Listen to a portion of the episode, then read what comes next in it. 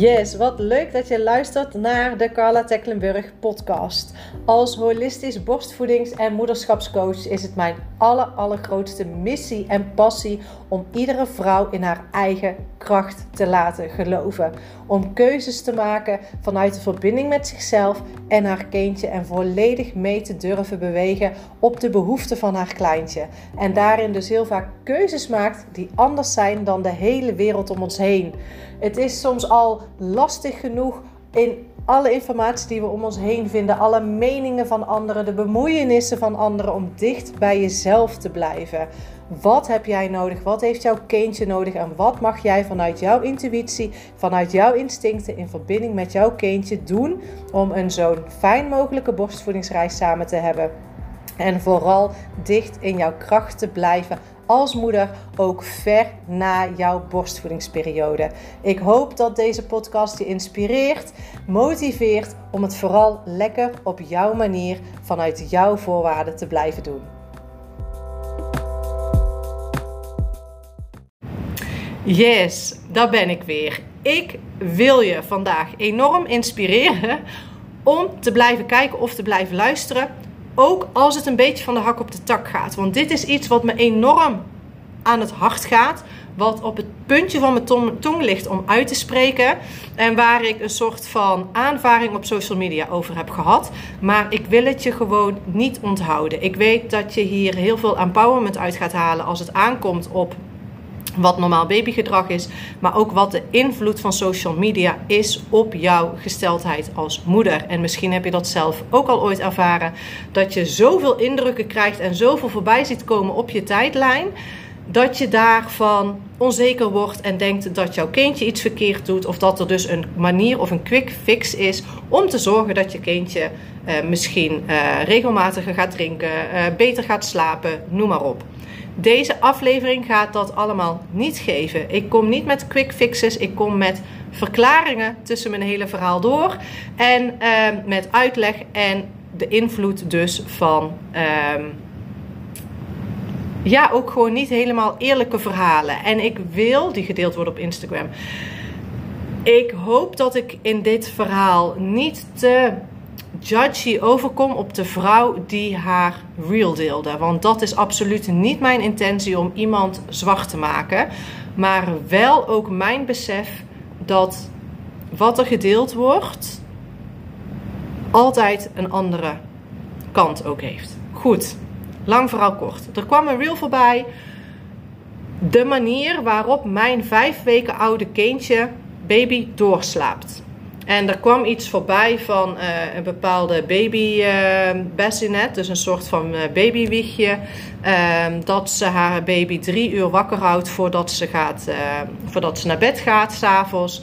En nou ja, zo kwamen er nog een paar tips voorbij. Waarbij ze in de, hoe noem je dat? In de post zelf zei dat haar pediatrician het helemaal oké vond omdat de baby ook genoeg aankwam.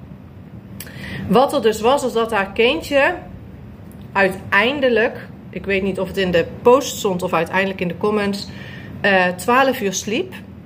Maar dat was dan eerst 5 of 7 uur, dan even drinken, dan weer 3 of 4 uur, even drinken en dan weer 3 uur. Maar goed, als jij als moeder dus op social media komt en je ziet zo'n reel voorbij komen, dan denk je: Oh, ik moet dus eigenlijk ook zo'n bassinet hebben of zo'n wiegje hebben. Ik moet ook uh, zorgen dat ik mijn kind drie uur wakker houd s'avonds, zodat ze uiteindelijk langer door gaan slapen. En heel veel verder lees je niet daar, dat is social media. Gaat gewoon super snel. Stonden wel een aantal comments onder. Ik bedoel heel veel, maar ik heb er maar een paar gelezen. Baby's van die leeftijd horen nog niet door te slapen. Iemand anders die juist weer zei van... Oh, mijn kindje slaapt ook helemaal slecht. En uh, geef me je tips. Uh, maar ook waarin dus de schrijfster aangaf... Uh, mijn andere twee kinderen sliepen uh, niet zo. Misschien ligt het ook aan het kind. en dan denk ik, ja, er staan zoveel nuances in dat verhaal. Nou, dat zelfs ik, die niet in die fase nu meer zit, in de war raak. En daar mag je dus iedere keer bij alle informatie die je tot je neemt, even goed bij jezelf gaan voelen van wat doet dit met mij? En ik heb dat vaker gezegd. Informatie kan je heel veel kracht geven, zelfvertrouwen, vertrouwen en helderheid. Maar het kan je ook echt enorm blokkeren in, contact, in, het contact blijven met jezelf. En dan moet ik even kijken of ik mijn geluid uit heb gezet. Ja, oké. Ehm, waar het dus uiteindelijk. Ehm, wat er gebeurde. Ik deelde haar reel. En als je nu een reel van iemand deelt op je stories, dan krijg je, ook als je iemand niet tagt, krijgt zeg maar de, de plaatser van die reel of van die post, krijgt een melding van dat je gedeeld bent in die stories. Nou, dat is helemaal prima. Ehm, waar ik dus bij die story had gezet, of bij die, ja, bij mij als comment erbij had gezet, hier gaan mijn nekharen dus recht van overeind staan. Zij stuurde mij een berichtje, ik bedoel 65.000 volgers kei leuk dat jij de hele dag met drie kinderen op je Instagram zit en dan mij een bericht stuurt van nou wat leuk dat je mijn reel hebt gedeeld. Ik hoop dat het positief is. Waar, waarbij ik dus na het einde van mijn story dus een screenshot had gemaakt van dat berichtje van nou hoe ga ik, dan mag ik dus op een vriendelijke manier gaan laten weten dat ik het dus niet met haar eens ben. Nou, de story van mij was dus zo opgedeeld van mijn nekharen gaan recht overeind staan. En vooral ook dat stukje, want er zijn 600 dingen die ik daarover wilde delen, maar dat dus haar kinderarts had gezegd dat het oké is omdat er kindje genoeg aankomt dat het langer slaapt. In eerste instantie. Een kindje die van vijf weken oud, die zo lang slaapt, ehm, is nou eenmaal zo, oké, hoe ga ik het even netjes zeggen? Baby's horen regelmatig wakker te worden. Iedere twee, drie uur, soms ieder uur, ieder anderhalf uur, ieder minuut. Soms slapen ze iets langer, maar over het algemeen is, weet ik uit ervaringen met de meeste moeders, borstvoeding echt, nou, max 4, 5 uur. Correct me if I'm wrong, anders is je baby echt een uitzondering. Maar dat is gedaan omdat, zeker in het begin, die melk zo super licht verteerbaar is. Vrij hoog in verhouding in suikers. Om die hersenen dus te voeden. En op het moment dat jij uh, er heel lang tussen laat, kan een baby ook in een hele diepe slaap komen. En dat vaak in die hele diepe slaap komen, dan vergeten ze ook heel vaak te ademhalen. Daarom is het heel fijn om met je baby samen te slapen, of in ieder geval in veilige manieren, een co-sleeper of wat dan ook. Want instinctief eh, luistert jouw baby naar jouw ademhaling en jij reageert op jouw baby als hij even stopt met ademen. Dan ga je instinctief al je baby aanraken. Dus die kunnen dan in zo'n diepe slaapfase uh, komen en dat is heel vaak. En er wordt gezegd, je moet je baby niet op de buik laten liggen. Want wiegen dood, dekentjes natuurlijk ook, noem maar op. Maar een van de oorzaken is juist dat babytjes te diep slapen. En dus niet wakker worden voor voedingen. Uh, en daarom is borstvoeding geven juist zo'n mooie natuurlijke manier om dat allemaal te voorkomen. Omdat dus die melk lichter verteerbaar is. Zeker op die leeftijd van vijf weken. Dan ging het mij ook nog aan het hart dat zo'n kinderarts alleen maar kijkt naar de gewichtstoename van de baby, die is goed, maar er wordt niet gekeken naar de lange termijn. Als jij namelijk lang borstvoeding wil geven, langer dan drie maanden, zes maanden, langer dan een jaar, is het zo belangrijk dat in die eerste dagen, in die eerste weken, zeker de eerste drie maanden, zo enorm die melkproductie wordt gestimuleerd die borsten worden gestimuleerd. En het liefste dus door live te voeden in plaats van door te kolven, want dat is ook een andere stimulatie. Om op de lange termijn ook nog melk te hebben. Want in het begin zijn er de meeste moeders die ontploffen. En ja, ik had zoveel melk en ineens had ik geen melk meer. Nee, want als je niet blijft stimuleren, die hormonen moeten continu getriggerd worden. Continu aangezet worden. En dan op een gegeven moment komen ze op een bepaalde balans. En dat merk je al vaak na, na, een maand of drie, dat dat iets meer gaat reguleren, dat die continue stuwing en zo een beetje wegraakt. Dat als jij dan dus gaat kolven bijvoorbeeld, of je gaat minder voedingen geven, hè, want je gaat kolven omdat je dan in Nederland met drie maanden weer moet werken, dat je dan in verhouding merkt dat die productie wel een stootje kan hebben. Maar heb jij in het begin dus niet voldoende voedingsmomenten en borststimulatie gehad, waardoor die hormoon, dat die hormoonniveau niet hoog genoeg is, ja, dan, zul je dus, dan merk je dus, dan krijg je dus die verhalen. Ik had ineens geen melk meer, of ik ging werken en ik had geen melk meer. Omdat er dan waarschijnlijk in de hele beginfase van die borstvoedingsreis, uh, en daar iets, iets niet voldoende stimulatie is geweest. Dus ik vind dat dan echt van zo'n kinderarts heel erg kort door de bocht. En dat haalde ik ook aan in mijn stories. Dus het was gewoon heel informatief. Eén stukje wiegedood, één stukje productie lange termijn. Daarnaast vind ik dat wanneer jij ehm, iets plaatst over ehm, dit is hoe ik het doe, dat je dan niet moet impliceren dat dat is een manier, dat dat als de manier is en dat dat werkt. En ehm, dat las ik een beetje in de comments. En in de comments kwam ze een beetje terug op haar verhaal. En wat ik dus in het begin ook al zei: je leest nooit zo lang. Je gaat niet alles doorlezen. En wat mij dan heel erg aan het hart gaat en ging, ook op dat moment, is dat haar ervaring dus eigenlijk totaal anders is. En ik vind het juist zo belangrijk en we zijn er allemaal om vrouwen te empoweren. Geloof ik. Hè? En niet uiteindelijk voor je eigen gewin om zelf zo'n, want dat is gegarandeerd influencer, ehm, hè, ergens weer een linkje van, oh ik moet dit specifieke wiegje noemen, want dat heb ik gekregen of wat dan ook. Ik, ik vind dat niet, ehm, wat is het Nederlandse woord? Um, humaan of, of ethisch? Ja, dat. En ik bedoel, tuurlijk, ik krijg ook betaald voor uh, de consulten die ik geef. Maar dat is altijd vanuit oprechtheid. En omdat dit ook mijn tijd is, maar het is nog steeds mijn passie. En ik heb al zoveel gedeeld. En ook bijvoorbeeld deze aflevering en deze video. Ja, daar krijg ik toch helemaal niks voor. Maar ik deel het toch ook nog steeds. Weet je, dat, dat, daar gaat het mij altijd in eerste instantie om. En als iemand voelt van, hé, hey, ik wil meer met jou en meer van jou. En ik zit hier of hier mee. En alsjeblieft, hè, ik heb jou nodig. Tuurlijk. Maar ik vind het gewoon niet. Ja, om uiteindelijk dus jezelf in de hele comments weer rechter te praten. En het ging me echt aan het hart, want ik vertelde haar, ik zeg nou, ik vind dat je zeker ook dus door je kindje drie uur wakker te gaan houden voordat het gaat slapen, uh, zodat het langer door gaat slapen, je totaal voorbij gaat aan de natuurlijke, uh, en dat heb ik haar ook gezegd, natuurlijke instincten en uh, haar bioritme.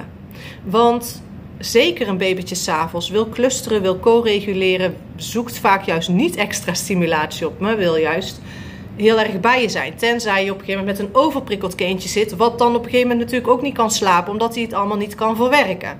Daar echt dat die hele perfecte balans zeg maar in vinden is lastig. En de ene dag vind je hem wel en de andere dag niet. En de ene dag ben je de hele avond aan het clusteren en valt je kindje 10 minuten in slaap en wordt het weer wakker en kan je weer doorgaan.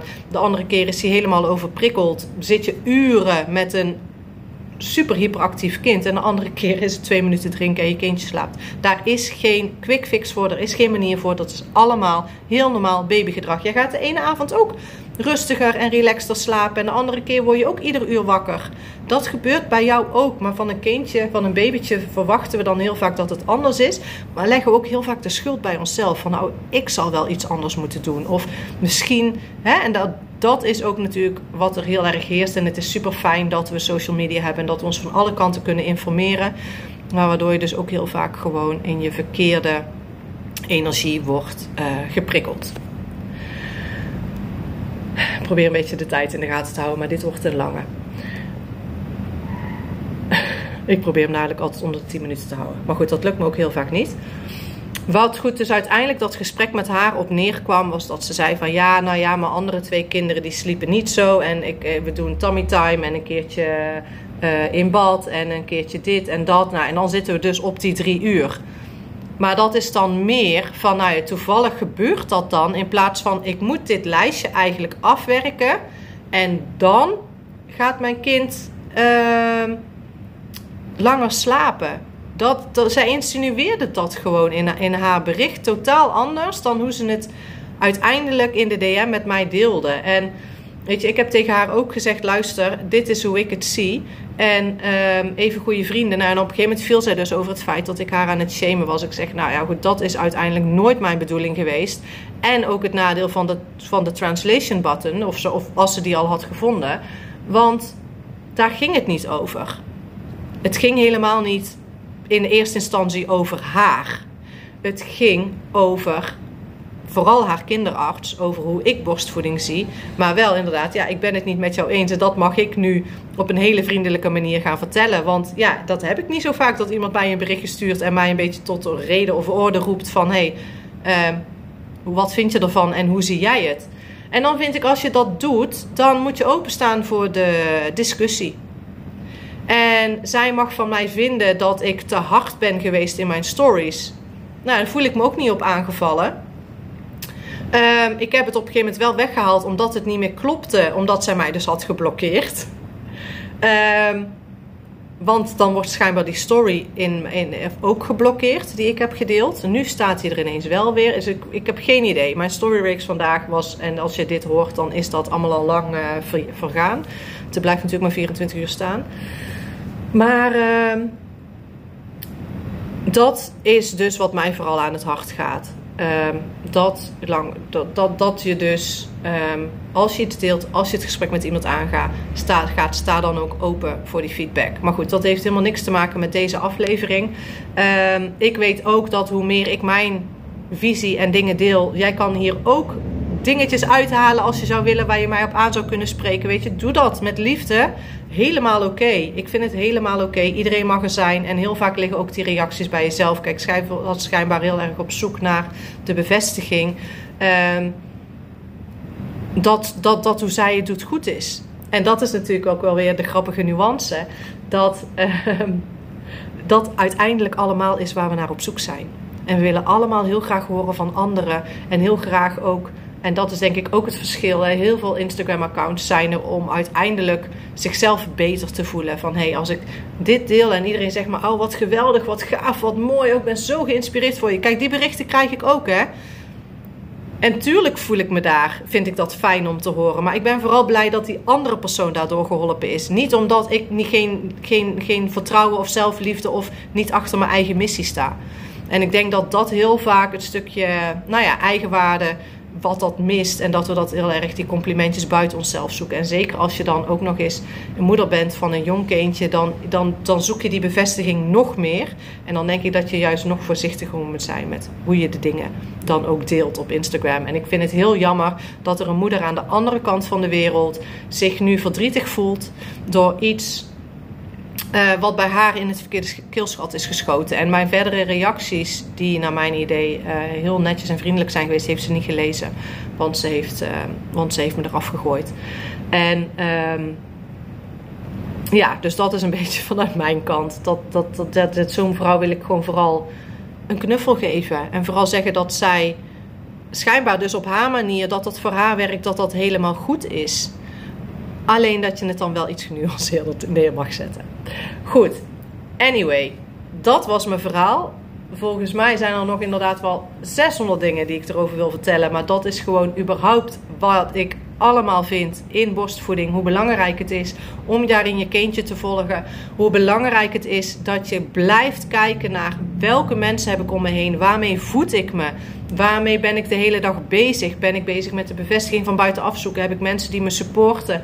Ben ik juist heel erg uh, aan het zoeken naar mensen die mij dat kunnen bevestigen? En vooral zeker als dat het laatste is. Als je merkt dat je heel erg buiten jezelf dingen zoekt.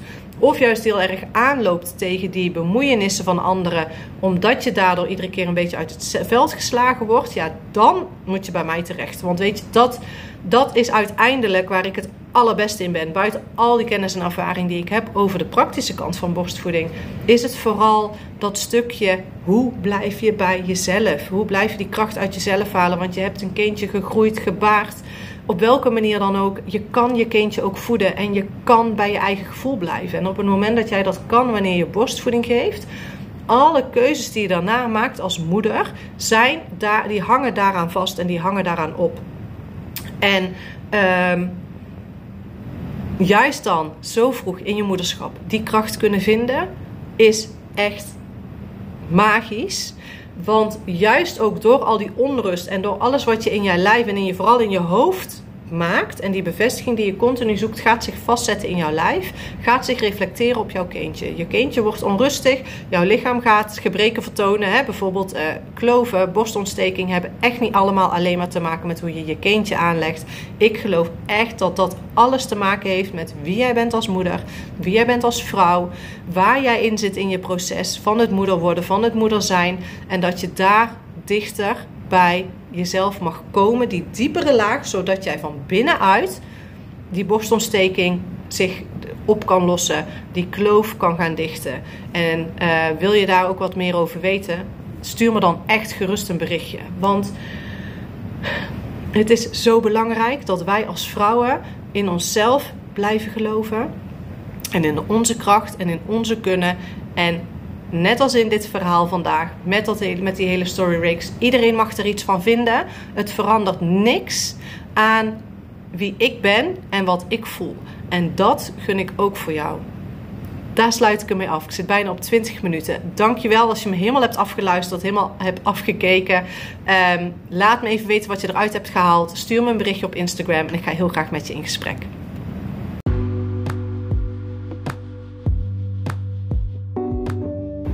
Dankjewel voor het luisteren naar deze aflevering. Is er iets in je aangezet, iets wat je graag met me wilt delen? Jouw visie, jouw struggle? Laat het me gerust weten. Stuur me een berichtje op Instagram en ik ga heel graag met je in gesprek. En als jij mij nu heel graag ook een plezier zou willen doen en heel eventjes de tijd zou willen nemen om deze podcast een review achter te laten of eventjes een aantal sterretjes aan te klikken, dan kunnen ook andere moeders zich ook geïnspireerd voelen om vanuit hun kracht moeder te zijn. Dankjewel en ik wens je een super fijne dag.